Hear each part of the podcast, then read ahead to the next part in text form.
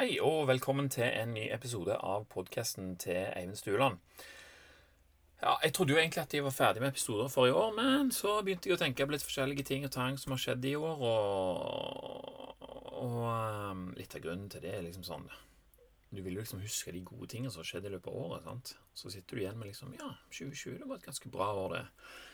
Og når jeg likevel tenkte på dette, her, så er jo en utmerket måte å hente mer ut av denne tenkingen eh, på det å skrive om det. sant? Eh, for da går det ikke like fort som å tenke. Tenking går for fort. Når vi skriver, så må vi holde tankene lenger i fokus, sånn at de får tid til å hekte seg av og på andre tanker og ideer som ellers kanskje bare hadde basert hverandre der og levd side om side uten å gjøre noe særlig kobling. Sant? Det er iallfall sånn jeg ser på det. Eh, så når jeg begynner å tenke på hva dette året, har, dette året her har gitt og gjort, så syns jeg det blir mye enklere å skjønne hva neste år kan gi, og hva min eh, rolle i det skal være. Sant? Hvordan kan jeg påvirke disse bevegelsene som allerede er der, sånn at de ender mer i henhold til mine ønsker enn om jeg ikke gjorde noe? Sammen. Så ja, det ble ikke så veldig mange podkast-episoder i år. Eh, jeg hadde et langt opphold våren og noe ustrukturert eh, nå i høst, og sånn blir det fra tid til annen. Det er jo ikke så, som dette er jobben min akkurat. Det, det, er en hobby, og den tar litt tid. Så da kan jeg bare gjøre det når det er tid. Sammen. Så hvis jeg har tid til å gjøre det, så vil det si at hmm, ja, da har jeg egentlig overskudd, da. Uh, så jeg husker jo Et år så hadde jeg sånn eh, liksom plan at vi skulle gi ut én episode i uka. Uh, og da ble det litt sånn Det var veldig kjekt, men det var òg litt for stressende. Det er ikke like gøy når det er stress å gjøre det, selv om det er veldig god trening i å jobbe kontinuerlig. Uh, så i år så har jeg latt meg ta disse pausene når jeg har brukt tid og kapasitet på andre prosjekter. Da. Og det har vært fint, det. Men det er òg selvfølgelig veldig fint å hente det fram igjen. For det gir meg noe bra. Så det er veldig vanskelig å beskrive. Eh, det å sette seg inn i noe og prøve å forklare det til andre helt uten å bli avbrutt, er, er, veldig gøy. Og når episoden er skrevet ferdig og spilt inn, så kan jeg liksom kjøre hjem og ha ei uke fri med familien og helt andre oppgaver. Det syns jeg gir en veldig fin eh, balanse. Så jeg blir alltid mer tilfreds når jeg får gjort det på et eller annet merkelig vis. Eh, så mm, begynte jeg å tenke litt sånn Hva har dette her året gitt oss, da, egentlig? Så har det vært mye av masse og litt av andre ting. Eh, jeg husker jeg starta året med fem dagers faste. Og den fasten var starten på en intens periode. Jeg tok fram alle triksene mine. Morgensider, legge meg tidlig, eh, bevege meg når jeg våkner, spise godt og til riktig tid, meditasjon og bevegelse, alt dette her. Sånn at jeg skulle klare å skrive. Jeg liker jo å skrive, men jeg har bare skrevet podkast-episoder. Så tenkte jeg ok, nå skal jeg prøve å skrive ei bok. Og så brukte jeg ca. fire måneder på å skrive et utkast eh, til ei bok som jeg kalte for 'Syv ting det kan være greit å vite noe om'. Som er noen av de temaene som vi har snakket en del om her da, på podkasten. Sendte den ut til diverse forslag, men det var jo ingen som ville gi den ut, og det regner jeg heller ikke med. sant? Dette var jo bare et uh, første utkast. Uh, jeg regna med at jeg ville få trent. Jeg ville få uh, sett om jeg klarte å være så strukturert at jeg klarte å få gjort noe ferdig. Og så ville jeg jo da få noen tilbakemeldinger på, på, det arbeidet. Og det fikk jeg. Eh, jeg har ikke gjort noe med det ennå, men en ny intens periode i denne her mørketida, det tror jeg kanskje at det blir aktuelt eh, når jeg er ferdig med noen småting som mangler hjemme, sånn praktisk. Så eh, Og det som vil være forskjellen fra i fjor nå, vet du, er at jeg har enda flere verktøy å ta i bruk for å liksom øke sjansene for at jeg skal klare å gjennomføre det. Sant? Hovedsakelig dette er som handler om døgnrytme og lys. Jeg, jeg, var ganske god til å følge døgnrytmen sist gang, men jeg, jeg brukte altfor lite lys om morgenen når jeg, eh, når jeg holdt på sist. Jeg satt mye i sånn stearinlys og lavt, dunkelt lys og sånt, og det har jeg jo nå fått med meg at det ikke er det beste. Så, men på tross av det så klarte jeg det, da. Så jeg tenker denne gangen her skal det liksom bli enda mer uh, Kan jeg få enda mer ut av det. Uh, mm, mm, mm.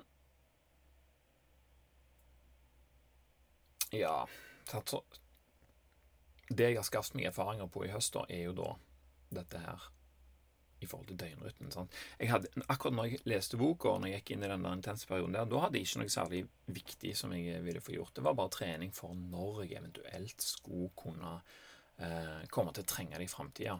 Og det jeg har konkludert med, når alt kommer til alt, er at så lenge vi klarer å gi oss sjøl den hvilen og restitusjonen vi trenger hver dag, så er det meste på plass. Og, og at den hvilen da er i takt med, med døgnrytmen. Sånn.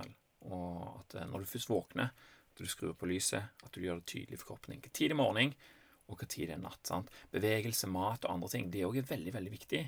Men alt har størst effekt når vi får det til å samsvare med søvnbehov og restitusjon. Sånn at vi våkner, eller sånn at vi sover så lenge at vi klarer å gjøre oss ferdig med det som vi skal. Sant? Så eh, jeg tenker av og til at jeg må huske at det ikke alltid er om å gjøre å gjøre det helt i tråd med liksom hva forskningen har funnet ut. og sånn. Forskning er veldig viktig for at vi skal finne ut av noen ting, og for at vi skal kunne handle ut fra resultatet den forskningen viser. Det betyr ikke at vi skal gjøre akkurat det som forsøket prøvde, sant? og prøve å kopiere funnene eh, som de gjør, og så installere de i livet med liksom en klar forventning av eh, hva de skal gjøre for deg, det, det er litt for mye å forvente. Alt er veldig komplekst i livene våre og i kroppene våre. Sant? Det forskning ofte prøver å gjøre, er å gjøre ting så smalt og uforstyrra som mulig, sånn at du kan finne ut hva enkeltmekanismer inni det der komplekse opplegget der handler om. Så, så, når vi skal ta disse her eh, elementene og putte de inn i våre komplekse liv, så blir det jo ikke et, eh, et, et sånn cause and effect-ting. Sant? Det blir at du blander en ny ingrediens inn i suppa, så smaker den litt annerledes. Sant? Uh, det er veldig sjelden at vi kan rigge til vårt eget liv som om det er sånne forsøk. Uh, vi gir oss sjøl litt albuerom underveis, samtidig som vi kan jo gjøre det beste ut av det. da. For meg, betyr, uh, for meg betyr det at når ting blir mer intenst, så smalner fokuset, sant? og ting ligner mer på vitenskapelige eksperiment enn hva det ellers gjør. og så gjør det ikke det når ting er annerledes. Men alt det her er relativt sammen. Mange syns mitt liv høres, høres, veldig stressende ut, siden de, eh, deres oppfatning er at jeg går rundt at det er så mange ting å passe på hele tiden. Men sannheten er jo at det er jo ikke mange ting å passe på. De passer stort sett på seg sjøl, så lenge det er øvd på. Sant? Så lenge det er innarbeid. Uh, og det er størst sjanse for at jeg vil øve på noe hvis jeg oppdager noe som interesserer meg. Sant? Som jo ofte er noe eh, jeg ser for meg kan gi noen slags fordel. Da er det enkelt å sette i gang og dra det så langt det går. sånn, denne her intense perioden som jeg snakker så mye om. Eh, og som sagt, den er veldig nyttig å ha gjennomgått, men den er ikke bærekraftig over lang tid. Sant? Og det er der, der jeg har gått i den fellen noen ganger. Så, ok, nå skal jeg være sånn at det er resten av livet. Og så bare, øh, men sant, det går ikke eh, til slutt. Eller da vil du oppleve kanskje, i alle fall gjorde jeg det da, at kostnaden blir for høy over tid sammen. Så det skal gå inn og ut av det, det er det er en veldig god, eh, god ting, som òg er verdt å øve på, egentlig. For da kan du det hvis du plutselig må en gang, av en eller annen grunn.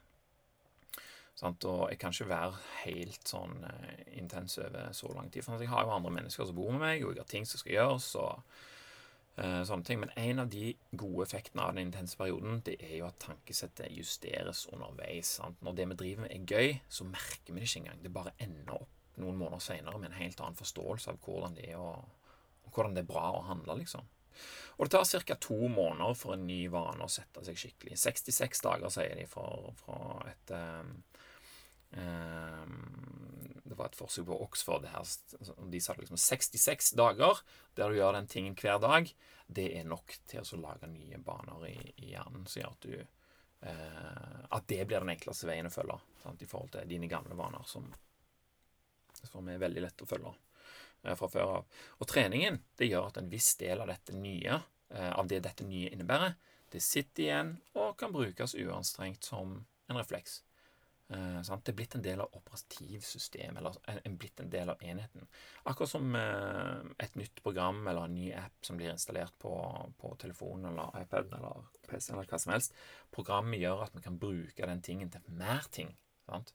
Og så vet vi jo hvor kort tid det tar før en sånn nyinstallert eh, app brukes med den aller største selvfølge, akkurat som vi alltid har hatt den. Så kroppen min har nå installert dette programmet om døgnrytme, og deler av det brukes uanstrengt med den største selvfølge. I tillegg så har det vevd seg inn og utbedra det som allerede finnes der inne om søvn og restitusjon og sånne, sånne ting som f.eks. det som jeg lærte i Why We Sleep da jeg leste den og skrev om den. Og sånn fortsetter det. Et nytt emne fanger oppmerksomheten, to-tre måneder senere, eh, to, måneder senere så er man blitt en litt annerledes person. Og disse nye programmene og appene da, som kjører i bakgrunnen sammen med de andre programmene og appene som eh, kjører i bakgrunnen, de utgjør jo da totalt sett oppførselen min og hva jeg kan få til. Og når jeg vil bruke eh, meg sjøl til noe mer krevende, når jeg vil øke evnen min til å få noe til, så kan jeg jo tildele mer oppmerksomhet til de viktige programmene. Søvn, bevegelse, mat, fokus, konsentrasjon osv. Um, og, og, og, og, hvis vi skal liksom øke kapasiteten i de, så er det jo lurt å fjerne de andre som gir mindre resultater. sant? Ofte er det jo det noe som gir nytelse inni Det er det som er mest effektivt å fjerne. Ting det enkelte enkelt å oppmerksomheten til. Og når, det, når du har gjort det, og du har en ting det er som f.eks. den siste du gjør før du legger deg, og det første du gjør når du våkner sant? Så har Jeg sånn, jeg har jo denne Five Minutes Journal som jeg skriver i hver kveld. Liksom, tre gode ting som skjedde, og mm, en ting du skal gjøre i morgen. Sant? Da vet jeg jo det når jeg legger meg. Og det første jeg gjør når jeg står opp, er tre ting du er takknemlig for, tre ting du skal gjøre i dag. Ha, da, da, vet du det igjen. Da minner du på det igjen. Sant? Og så skjer det bare. Går du videre. Uh, så når du gjør det, uh, første du gjør når du våkner, er en del av hva totalen skal bli, veldig mye lettere å holde fokus på å få ting gjort. Jo flere forstyrrelser du kan luke ut, jo lettere er det å fokusere på det vi ønsker å få til.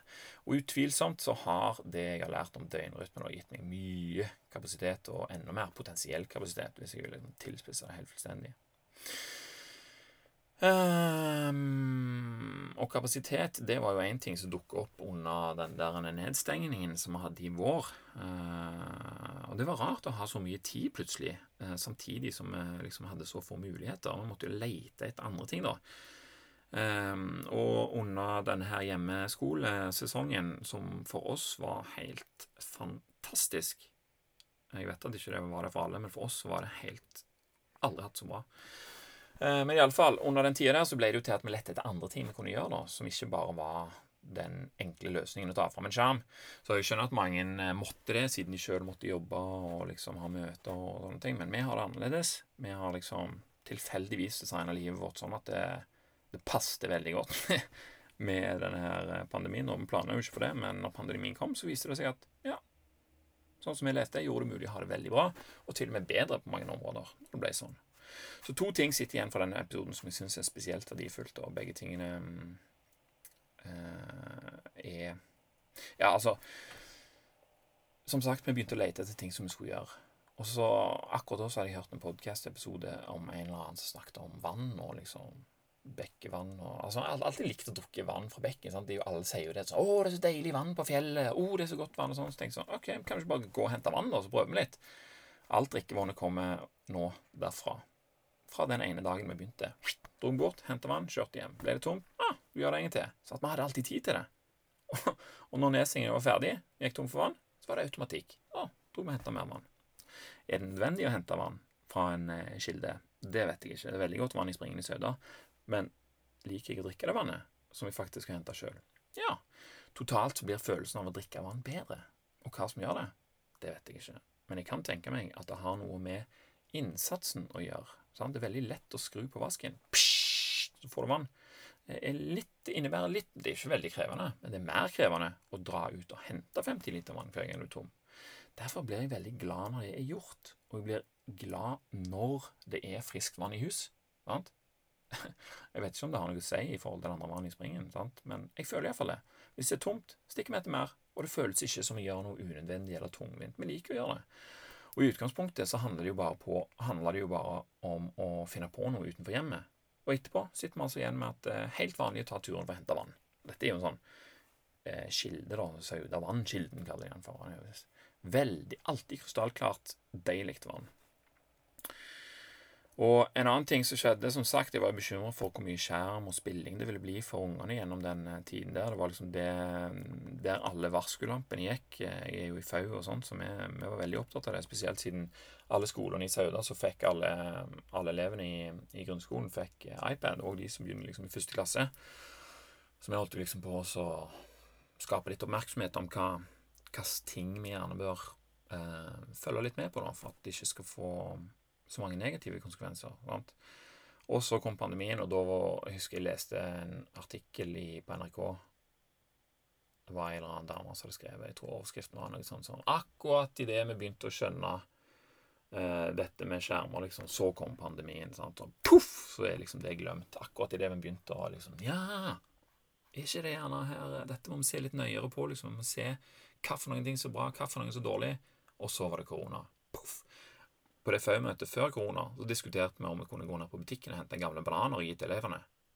Det var ikke det vi diskuterte på neste møte, for å si det sånn. Masse ting forsvant da. Så jeg ble litt stressa og tenkte sånn Hva skal jeg gjøre med dette her for uh, mine unger? Sant? For etter jeg hørte um, kommentaren til Hvem var det? Seth Godin, tror jeg kanskje det var. Som sa det at uh, du kan ikke forvente at du skal forandre skolesystemet. Altså dine unger går på skolen. Uh, og du kan ikke forandre det de lærer der. I, I stor grad, i alle fall. Men det du kan gjøre, det at uh, du kan ønske dem velkommen til din skole når de kommer hjem fra den andre skolen. Sant? Der du kan lære dem de tingene som du mener at de gikk glipp av på, på skolen, eller som burde vært i skolen. Sant? Så jeg tenkte sånn Å, her må jeg ta ansvar. Og så eh, tenkte jeg på sånn Ok, jeg skal få han lese bøker. For jeg leste en annen artikkel der det var en som sa det at han hadde sagt til sønnen sin at han skulle få 200 kroner for å lese for hver roman han leste gjennom denne pandemien. Og det var jo skikkelig sånn svære bøker og sånt. da. Men jeg tenkte bare sånn Wow, det, det, det er verdt et forsøk. Så sa jeg, eh, gikk jeg på Finn, og så bestilte jeg en hel bunke med sånne historien om bøker som jeg leste sjøl da jeg var liten. Sånn John F. Kennedy, Benjamin Franklin, Einstein og Thomas Edison og sånn. De er ganske lettleste. En sånn passelig stor skrift, men det er sånn 200 sider. Så sa jeg til Ask at mm, du skal få 200 per bok du leser. Og så Jeg tenkte det ville bli sykt verdt det hvis han klarte å lese et par bøker, liksom. 400 kroner, no problem. Og jeg forventa ikke mer enn det, siden konkurransen er jo ganske hard fra den der mer appellerende mm, andre kilder. Men jeg tror likevel at jeg klarte faktisk å overinspirere han, for før sommerferien begynte, så hadde han lest 25 bøker og var sulten mer. Og 25, sant? Eh, det ble jo jæklig mye penger, så jeg måtte jo underveis halvere prisen til 100 kroner. Da har jeg aldri lest bøker før. Han elsker å lese blader og sånne ting. Men liksom, boff, nå var han i gang med bøker, og så fikk han så sykt moment at uh, han leste jo Det gikk jo så fort, vet du. Men så tok jeg ned til 100 kroner, da, og så krevde muntlig referat før, uh, før vi liksom godskrev det, og, det funka kjempebra. sant? Og en bekymring jeg hadde her, det var jo at, aldri, at, han aldri kom til å ville lese noe igjen uten å få betalt. Sant? Det var helt klart en risiko der, men det slo ikke sånn ut. Uh, han leser alt mulig hele tida, og han, han, det, det, viktige her er at han vet nå hvordan han kan ta til seg informasjon. Sant? En morgen så satt han og kikket ut i lufta før han sa sånn Veldig sånn tankefull Åh, tenk å bare fått alt det som står i alle bøkene til pappa, rett inn i hjernen. Satt han liksom. Og det er jo klart, det blir du veldig glad av. Husker en gang i sommerferien når han skulle legge seg, så sa han bare Du gir meg bøker hele tida, du, pappa. Jeg elsker å ha masse bøker rundt meg. Da har man det bra som far, altså. Da får du en sånn åh, yes, god følelse. sant? Og I løpet av sommeren så avanserte vi jo da til biografier på engelsk. sant? Veldig nice. Dette kunne slått så feil, men det gjorde ikke det. Og siden det gikk så bra, så mener jeg jo selvfølgelig i etterkant at det var veldig verdt risken. Eh, men en annen ting som jeg har tenkt mye på i år, det er jo selvfølgelig oss mennesker. Eh, hvordan vi fungerer, og hvordan vi oppfører oss. Det er jo egentlig alltid det det handler om. Men eh, jeg leste disse her to fantastiske bøkene i sommer som har gitt meg et fornøyelig perspektiv på hva som skjer med oss og rundt oss den dag i dag. Og det, det er Human Evolution av Robin Dunbar og den der Forest People av Colin Turnbull. Den som handler om pygmeene i i Afrika der. Ehm, jeg syns det er så fascinerende å tenke på at vi er jo disse menneskene som jeg leser om. Sant? Vi fungerer på denne måten. Og gjennom disse bøkene her så får vi et innblikk i hvordan det ble sånn, og hvordan det fungerte til vår fordel når alle våre egenskaper fungerte da, i henhold til både hensikten og omgivelsene og, og, og sånt da, når vi, bodde, når vi bodde ute. Og når vi tenker på dette her, så er det så mye lettere å skjønne hva det er som blir feil for oss sånn som det er nå. Og da kan vi justere det. Døgnrytmen er jo en av disse tingene, mm, men den er mer sånn praktisk. Det er minst like fascinerende å lese om hvordan disse menneskene her tenker, og hva som fører til at de gjør forskjellige ting. Eh, det var for, eksempel en helt nydelig beskrivelse av eh, et eh, ektepar, pygmemann og ei pygmekone, som krangla i leiren. Og det som han Colin Terminal sier, er at det å tape ansikt det er en ganske stor sak for oss mennesker. Vi liker det ikke. Men i vårt habitat, sånn som det er nå, i den moderne tida, så er på en måte den gjengse oppfatningen at vi skal konfrontere og reinskjære sånne krangler, sånn at det virkelig kommer for en dag hvem som har gjort feil, eller hvem som har gjort urett. Og etter jeg leste den boka, så begynte jeg å tenke liksom sånn, trenger det virkelig være sånn? Og alle jeg fortalte dette eksempelet til, de, de bare øh, syntes det var så interessant. Um, Akkurat hva den krangelen handler om, det vet jeg ikke, det husker jeg ikke helt nå. Men hvordan krangelen utvikla seg, og hvordan den løste seg, det er, sitter som støpt. Um, I disse her pygmesamfunnene så, så, er det kvinnene som bygger hyttene. Uh, de setter ned sånne ganske lange pinner ned i bakken, bøyelige pinner, og så bøyer de over så det blir uh, en bue. Og så gjør de det med flere pinner, og så kler de dette her med blader, så det ser ut som en jungeliglo eller et sånt stormtelt med, med blader. Og, og, disse hyttene de tåler faktisk storm og det som verre. Um, og sånn er det. Det er de som, de som, bygger huset, og dermed er det også kvinner som på en måte eier huset. Da? Det, det er det hennes uh, greie. Um, og det nest siste ei dame kan gjøre for å få det som hun vil, det er å pakke ned denne hytta. Sant? Og det aller siste ei dame gjør for å få det som hun vil, det er å reise hjem til mor si. Sant? Og hvis vi sammenligner det med dagens normer, så vil det kanskje minne om en separasjon eller noe sånt. Men uansett, denne her krangelen ble mer og mer intens mellom dette her ekteparet. Og mannen satt bare og kikka i bålet og, og, ville ikke bruke noe energi på å berolige kona si. Ville ikke ta på ansikt, sant? og kona ble mer og mer frustrert, og heller, heller ikke hun ville på ansikt. Og det tiltar seg, sant? og de sitter dypere og dypere i det. Hvordan skal de komme seg ut av dette her? Og etter hvert som den gråtfalte kona da begynner å pakke ned bladene på hytta, så blir mannen mer og mer ukomfortabel mens han fortsetter å kikke inn i bålet og pirke i aska og late som ingenting. Men når nesten alle bladene er tatt ned, så snur han seg og sier nonsjalant til kona si at hun trenger ikke å pakke ned pinnene, det var bare bladene som var skitne. Og kona kikker rundt seg som et spørsmålstegn sant, før hun skjønner hva som skjer. Aha, og så sier hun OK, da får du bli med ned til elva, da, så får vi vaske de. Og som sagt, så gjort. Sant? Hva de krangla om? Ingen som vet det lenger. De vet bare at det nå er over, og at det skjedde uten at noen tapte ansikt. Samuel. Ekteparet har det bedre nå enn før krangelen. De forstår hverandre. Uh, han Turnbull sjøl hadde aldri sett at noen hadde vaska bladene på hytta si verken før eller etter dette. her. Men det han så over de neste par ukene, var at det var flere av de andre medlemmene sammen som tok med seg et par blader fra hytta si ned til elva og vaska de før de satte de tilbake igjen. Hæ? Hvor fascinerende er ikke det? Jeg har tenkt mye på dette. Hva betyr det egentlig? Kan man bruke dette her på noe vis? Hele krangelen forsvant uten at noen tapte ansikt, hva nå enn det betyr, samtidig som de begge fikk vist at de angra på det de hadde gjort, og at det nå gikk fint igjen.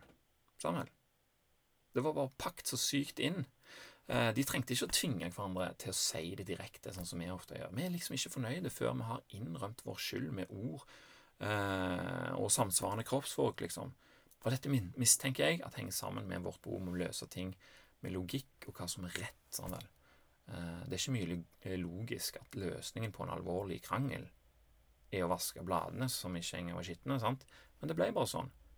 Det var det som skulle til for å løse det. Logikk og følelser er vanskelige greier. sant?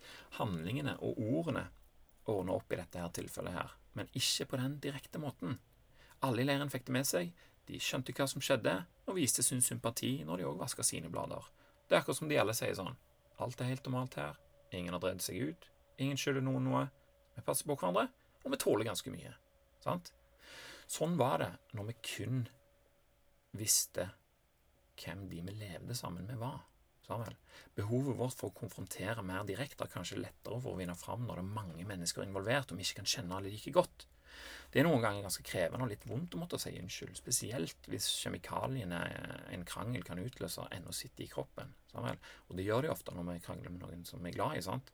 Og Da er det fint å kunne være helt stille en stund, la de kjemikaliene bare få jobbe seg ut av systemet, sånn at det blir enklere å utføre en handling med en intensjon som betyr det samme som unnskyld, eller at vi tilgir noe sammen. Eh, og hvis vi kjenner og forstår de som jeg lever med, godt nok, så er dette her fullt mulig. Og etter jeg og kona snakker om det, så har vi blitt mindre kravstore overfor hverandre i, sånne situasjoner. Vi krever ikke at motparten skal legge seg flat, som vi trodde det skulle være før. Vi bruker heller den energien på å liksom forstå den andre, både hvorfor de gjør som de gjør, og at de nok ikke ønsker utfallet som er her nå. Sånn vel? Det er vel straff nok, det, vel? Og sjøl tenke seg til at en har feil eller har oppført seg mindre bra, det er allerede en ganske krevende og leit sted å være. Sant? Det siste du trenger, er at noen gnir deg inn og tvinger deg til å innrømme det i så klar tale som mulig, liksom. Bare fordi noen har sagt at det er god folkeskikk. Folkeskikk. Sant? Det kan være så mangt. Vi kan gå og vaske noen blader i elva sammen. sant? Da kan vi tenke oss litt til hvordan motparten har det, vi kan være glad for at vi forstår hverandre. Det, da får du liksom langsiktig perspektiv. Ja, ja, vi fortsetter videre. sant? Det er jo dette som er best. Trenger ikke si absolutt alt hver gang.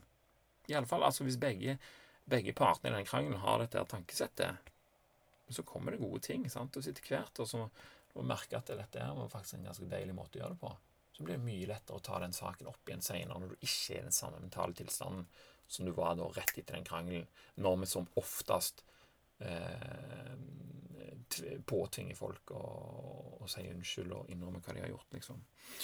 Så, så dette her var, var ganske interessant. Sant? Vi er tross alt intelligente nok til å lese situasjoner og skjønne dette her. Og ting faller tilbake til normalen før vi vet ordet av det, uten dette her smått sadistiske kravet om denne uforbeholdne innrømmelsen. Og språk det kan jo virke som eh, om det er det eneste vi har, men fakta er jo at det er kun den aller siste metoden vi har utvikla for å kommunisere og forstå hverandre. Sant? Han er kanskje mest brukt, han er veldig praktisk, men vi har flere metoder som kan gi vel så gode resultater. Spesielt hvis vi skjønner hva de betyr. Sammen. Vi vet hva unnskyld betyr. Og på samme måte så kan vi vite hva handlinger, blikk, gester og hundrevis av andre ting betyr. Vi kan nok ikke bare vaske blader med hvem som helst, men de nærmeste kan vi gjøre det sånn, tenker jeg. Eh, de vi kjenner godt nok og bør ha toleranse nok overfor til at en sånn konfliktløsning blir mulig. da. Og Jeg kan ikke forvente å løse konflikter sånn med tilfeldige mennesker. Sant? En fremmed er det enklere å være overfladisk høflig og unnskyldende overfor. Sånn 'Å, jeg beklager. Sant? Det var min feil. Unnskyld.' Det betyr ikke like mye som når det skjer med noen som er glad i, og som er liksom Og, og da har kanskje krangelen fått tid til å bygge seg opp. Sant? Og du vet jo hva som skjer da. Stresshormoner fyrer løs i kroppen, kobler ut eh, pannelappene, som gjør at du reagerer mer. Sant? Og Det er det som er så sykt. For du ender, eller iallfall merker jeg det. Jeg merker når jeg, når jeg, ender opp i en tilstand der jeg begynner å si ting som jeg ikke vil. Sant? Da er det på tide å trekke tilbake og la dette her synke. Og så kan du ta det opp igjen senere, når du er tilbake med, med, med pannelappene. Så, så det var en ting. Denne tingen her, den, den, elsker jeg å tenke på og følge med på. Se når, se når folk er liksom i konflikter. Sånn, hvordan gjør de det? Hvordan gjør de det? Og, og, kan jeg se noen spor fra denne her eh, pygmemåten å gjøre det på? Veldig interessant. En annen ting som jeg har tenkt en del på i år, det er Jeg lagde jo en episode om penger, eller økonomi, da, for noen år siden. Uh, som er en stund siden da, sant? Men, eh, men temaet det har hele tida gått og svevet i bakgrunnen. Uh, når jeg starta denne podkasten, så levde vi et liv langt under fattigdomsgrensa. Og det var ikke synd på oss, vi gjorde det 100 med vilje, og da er det ikke så gale. Det er faktisk veldig gøy. I hvert fall er det gøy å ha gjort det, uh, de årene vi gjorde det. Da, klarte jeg å utvikle et ganske solid forhold til hva penger er verdt, og hva de kan få til hvis du er flink til å plassere det der det skal. Sant? Det gir veldig liten mening å sløse vekk penger når du vet det. Um, det kan ende opp med å gjøre det likevel, men det er ikke, like, ikke like stor sjanse, iallfall. Det, det vil jeg si. Og teorien min var at når jeg var, når jeg var fattig, da, så tenkte jeg at ok, nå trener jeg. Og teorien, var at når jeg en gang i framtida får tilgang på mer penger, så vil mine erfaringer som fattig gjøre det enklere for meg å plassere de ekstra pengene der de gjør mest nytte for oss. Sant? Og det er ikke like lett når vi sakte, men sikkert går opp i lønn og forbruk. Sant? Hånd i hånd der. Boop, boop, boop, litt opp hvert år, litt opp forbruk hvert år. Sant? Det er ikke den der vanvittige hoppet som gjør at du Oi! Du, du klarer ikke å øke forbruket så mye, for jeg hadde Jeg fikk én en og en halv gang mer lønn plutselig. Og da får du et sånn voldsomt hopp som gjør at jøss, yes, så mye kan jeg virkelig ikke øke forbruket mitt. sant? Da blir det lettere. Eh, så jeg hadde egentlig i utgangspunktet en sånn tiårsplan når jeg var fattig for hvordan jeg skulle renovere det her gamle huset vårt.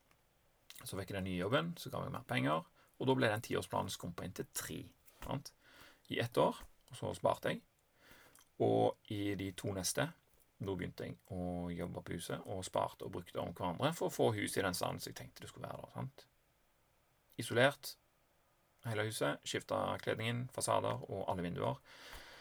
Og jeg har kun gjort det når jeg har hatt lyst, og når jeg har flere dager på rad, sånn at jeg får litt moment i, i arbeidet. sant? Jeg har ikke tvunget meg sjøl til å gjøre dette hver ledige stund. Det er helt uaktuelt. Da blir jeg lei, og familien min blir lei av meg. Det går ikke. Så sånn Ei uke der, to uker der, tre uker der, eh, med intensitet, med gode pauser innimellom. Det har gjort at jeg ikke går lei, og at jeg ikke er liksom opptatt og sliten i forhold til ungene i, i disse her periodene. Da. For det har jeg jo sett eh, at folk som driver med oppussing, kan gjøre. Så jeg har gjort det på det som jeg mener er en sånn fin middelveismetode. da. Litt lang tid tar det, men jeg syns det er bedre å gjøre det sånn. Intens i noen uker, og så planlegging av For det er jo det som skjer. Når du da tar pause, så, jo, så, så, går du jo rundt med disse tankene hele veien. sant? Og jeg merker av og til når jeg legger meg eller skal meditere, eller sånt, så tenker jeg sånn Hvis jeg ser den vinkelen sånn Så ligger du egentlig og bygger huset inni hodet. Og så når du da kommer til at du skal gjøre det, så vet du hva du skal gjøre. Så det er kjempelett å bare eh, fortsette. Um, sant? Er det ikke noe tvil om hva jeg skal gjøre, og hva jeg ønsker å få til når jeg setter i gang. Og det er da jeg typisk henter fram disse her teknikkene så jeg vet setter meg i stand til å kunne yte mer, som jeg sa tidligere. Uh, sant? Det er da jeg tildeler de viktigste programmene eller appene mesteparten av kapasiteten min, og så fjerner jeg de andre helt.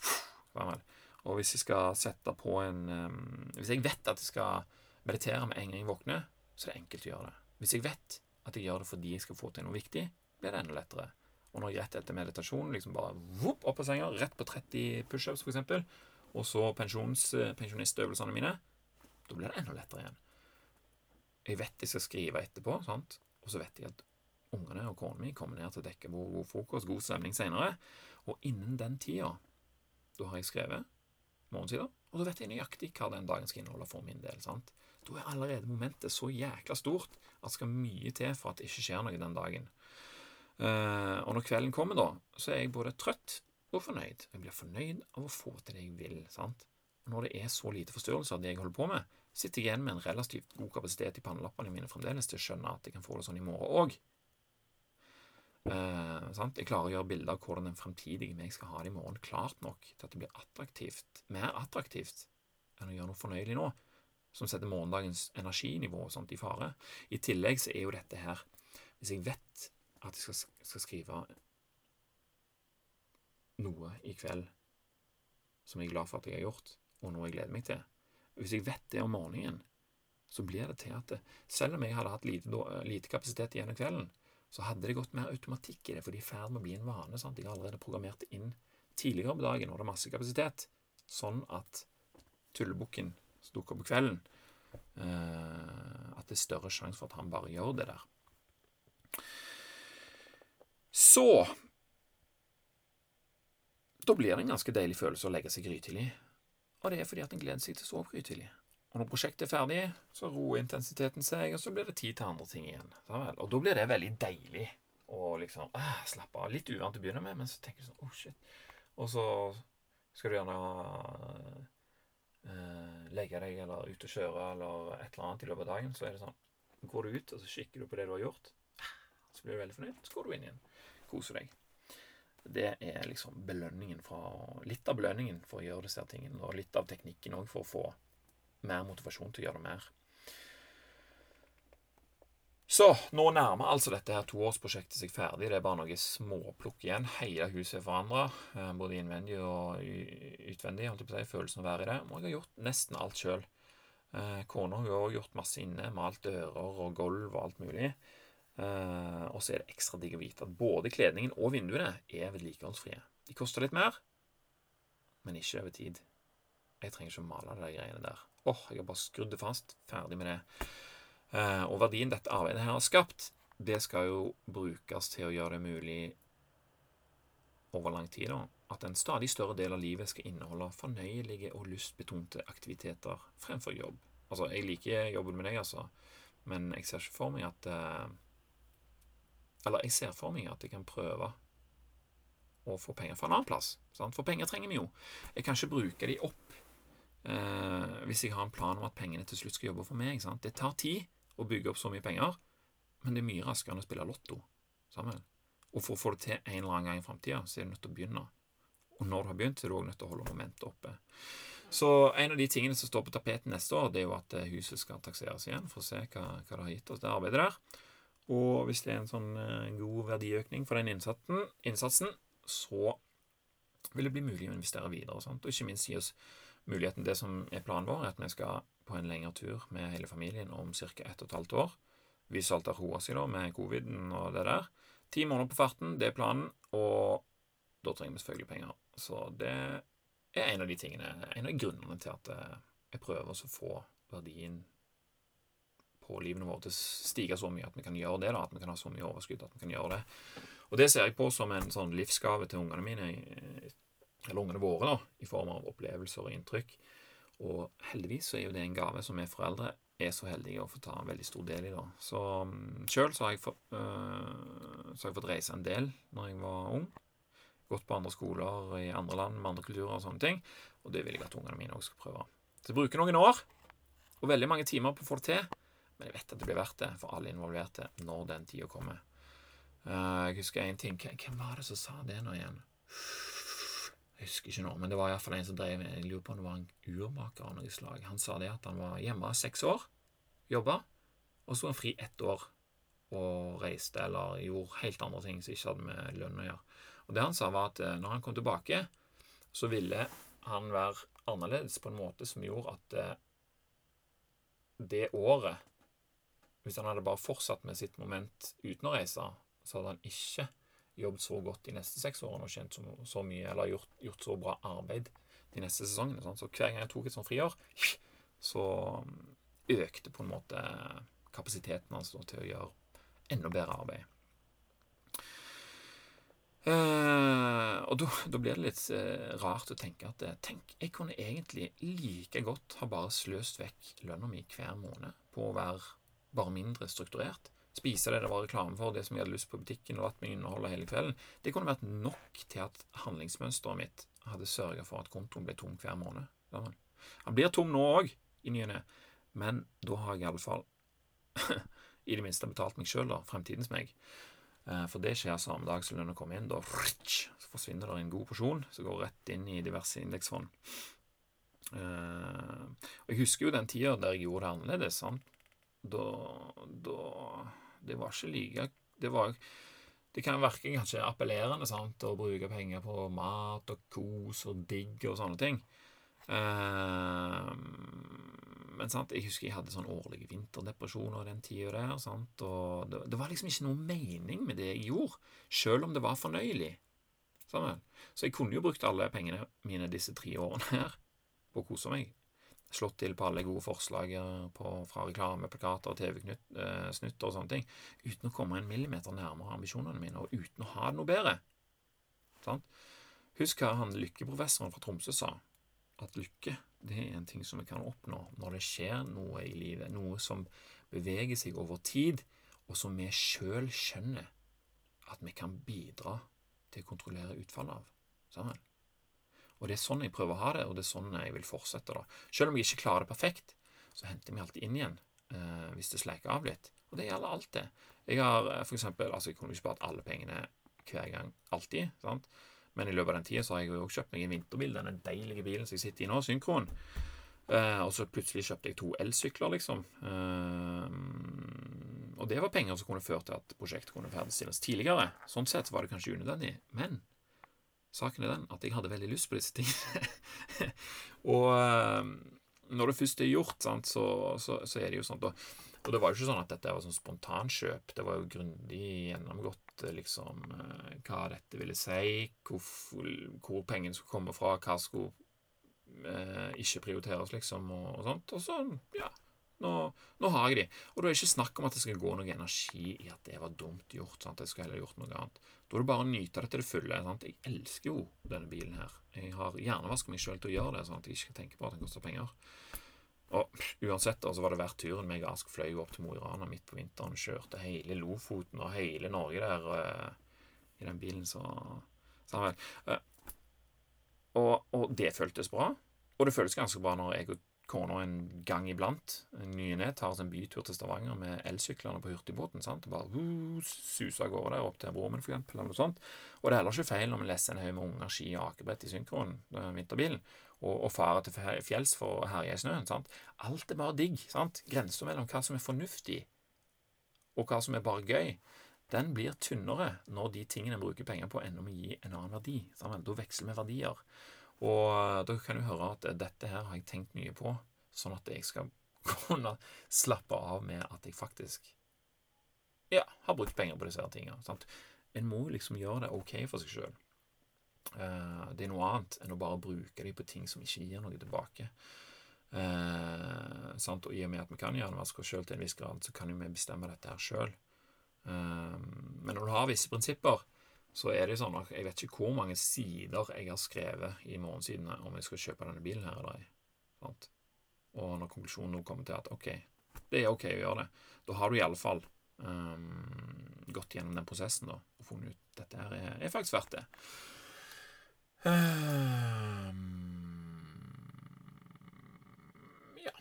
Og så dette prøver jeg her, og jeg prøver jo å lære ungene òg dette her. sant? Vi har jo alltid sånn at jeg elsker å prate med de, spesielt etter jeg leste at han Feynman han sa det at hvis du tror du forstår noe, så må du prøve å forklare det til en seksåring. Og hvis du ikke klarer det, så forstår du ikke. Sant? Så jeg, da var Ask seks år, så jeg bare forklarte han, forklarte han alt mulig slags. Og det har jeg bare fortsatt med. Og i den uka som var, så satte altså begge ungene mine inn 500 kroner av sine egne opptjente penger som de har tjent på diverse eh, sånn ukelønn. Vi har sånn avkrysningsskjema, de krysser av ting som de gjør og sånn hver dag. Uh, jeg satt inn i indeksfond 500 kroner helt frivillig. Sant? Åh, det var så deilig. For jeg spurte de Ask hadde jeg brukt noe penger på noe annet. Så jeg sa nå har du så mye igjen. Er det sånn at du kunne tenkt deg å, at disse pengene hadde liksom vokst for deg til, inn i framtida? Han bare 100 og jeg, da ble jeg litt sånn Hva, hva sa han? Hva mener han? At det skal stige 100% eller hva? Nei, han skulle sette inn de pengene. Og uh, det hadde jeg egentlig ikke forventa. Selv om jeg, jeg, har jo snakket om disse her sinnssykt mye, sant? så han vet jo hva, hvordan det funker egentlig. Men det er jo noe annet når du står der med 500-lappen og har lyst til å bruke den på noe. Så da gjorde de det, og det var så deilig. Og det kan jo bare bety at de vet nok om dette her da, til at de syns det var en fornuftig ting å gjøre. Og sånne milepæler er veldig deilig å nå. Da vet jeg at eh, det jeg har snakket med de om gjennom flere år, har festa seg og blitt en del av hvordan de tenker. Sant? Og sånne ting, det kan umulig planlegges. En kan bare gjøre det en tror er rett, og håpe på at det gir gode resultater en eller annen gang i framtida. Foreløpig veldig fornøyd. Å spare penger i indeksfond det var mye mer enn hva jeg klarte når jeg var syv og ti år. Så Sant? Selv om jeg kan virke litt bakstreversk og gammeldags i visse ting, så betyr ikke det at jeg gjør mitt for å hente ut fordeler for hvordan denne her moderne verden fungerer. Sant? Jeg kan bruke penger og teknologi for å få det bra. Og vi må være gode til å skjønne når penger, pengene og teknologien tar mer enn de gir. Det er den gylne middelvei mellom fortidens visdom og fremtidens muligheter som er mest appellerende for meg. Sinnet vårt er fullt av visdom og intellekt hørte jeg Jerry Seinfeld sa her en dag, og jeg brukte samme eksempel sjøl før òg. Men sinnet, intellekten befinner seg inni hjernen vår, og vi har en tendens til å veksle dem. Hjernen vår er som en vimsete valp som bare gjør det han gjør, basert på hva som skjer rundt han, sant? Den klossete hunden som alltid klarer å velte noe, ødelegge noe eller tygge, nye, tygge noe i, i, stykker. Og i tillegg så driter han på teppet i gangen, og det er vårt intellektuelle og vise sinn som må tørke det opp. Sant? Det liker vi ikke. Men vi kan takke vår egen innsats for tingenes tilstand, sant? og heller ikke det liker vi. Sant? Hunden gjør det ikke med vilje, den er bare ikke trent til å forstå noe annet ennå. Det er fullt mulig å trene den til ikke eh, å skape problemer. Og vi vet jo det at alle, eh, alle hunder kan være både bra og drit. Det kommer an på hvordan de er oppdratt, hvordan de har det. Og det samme gjelder hjernen vår. En godt trent hund er en fornøyelse å ha med å gjøre, men det krever ekstra innsats gjennom en intens periode.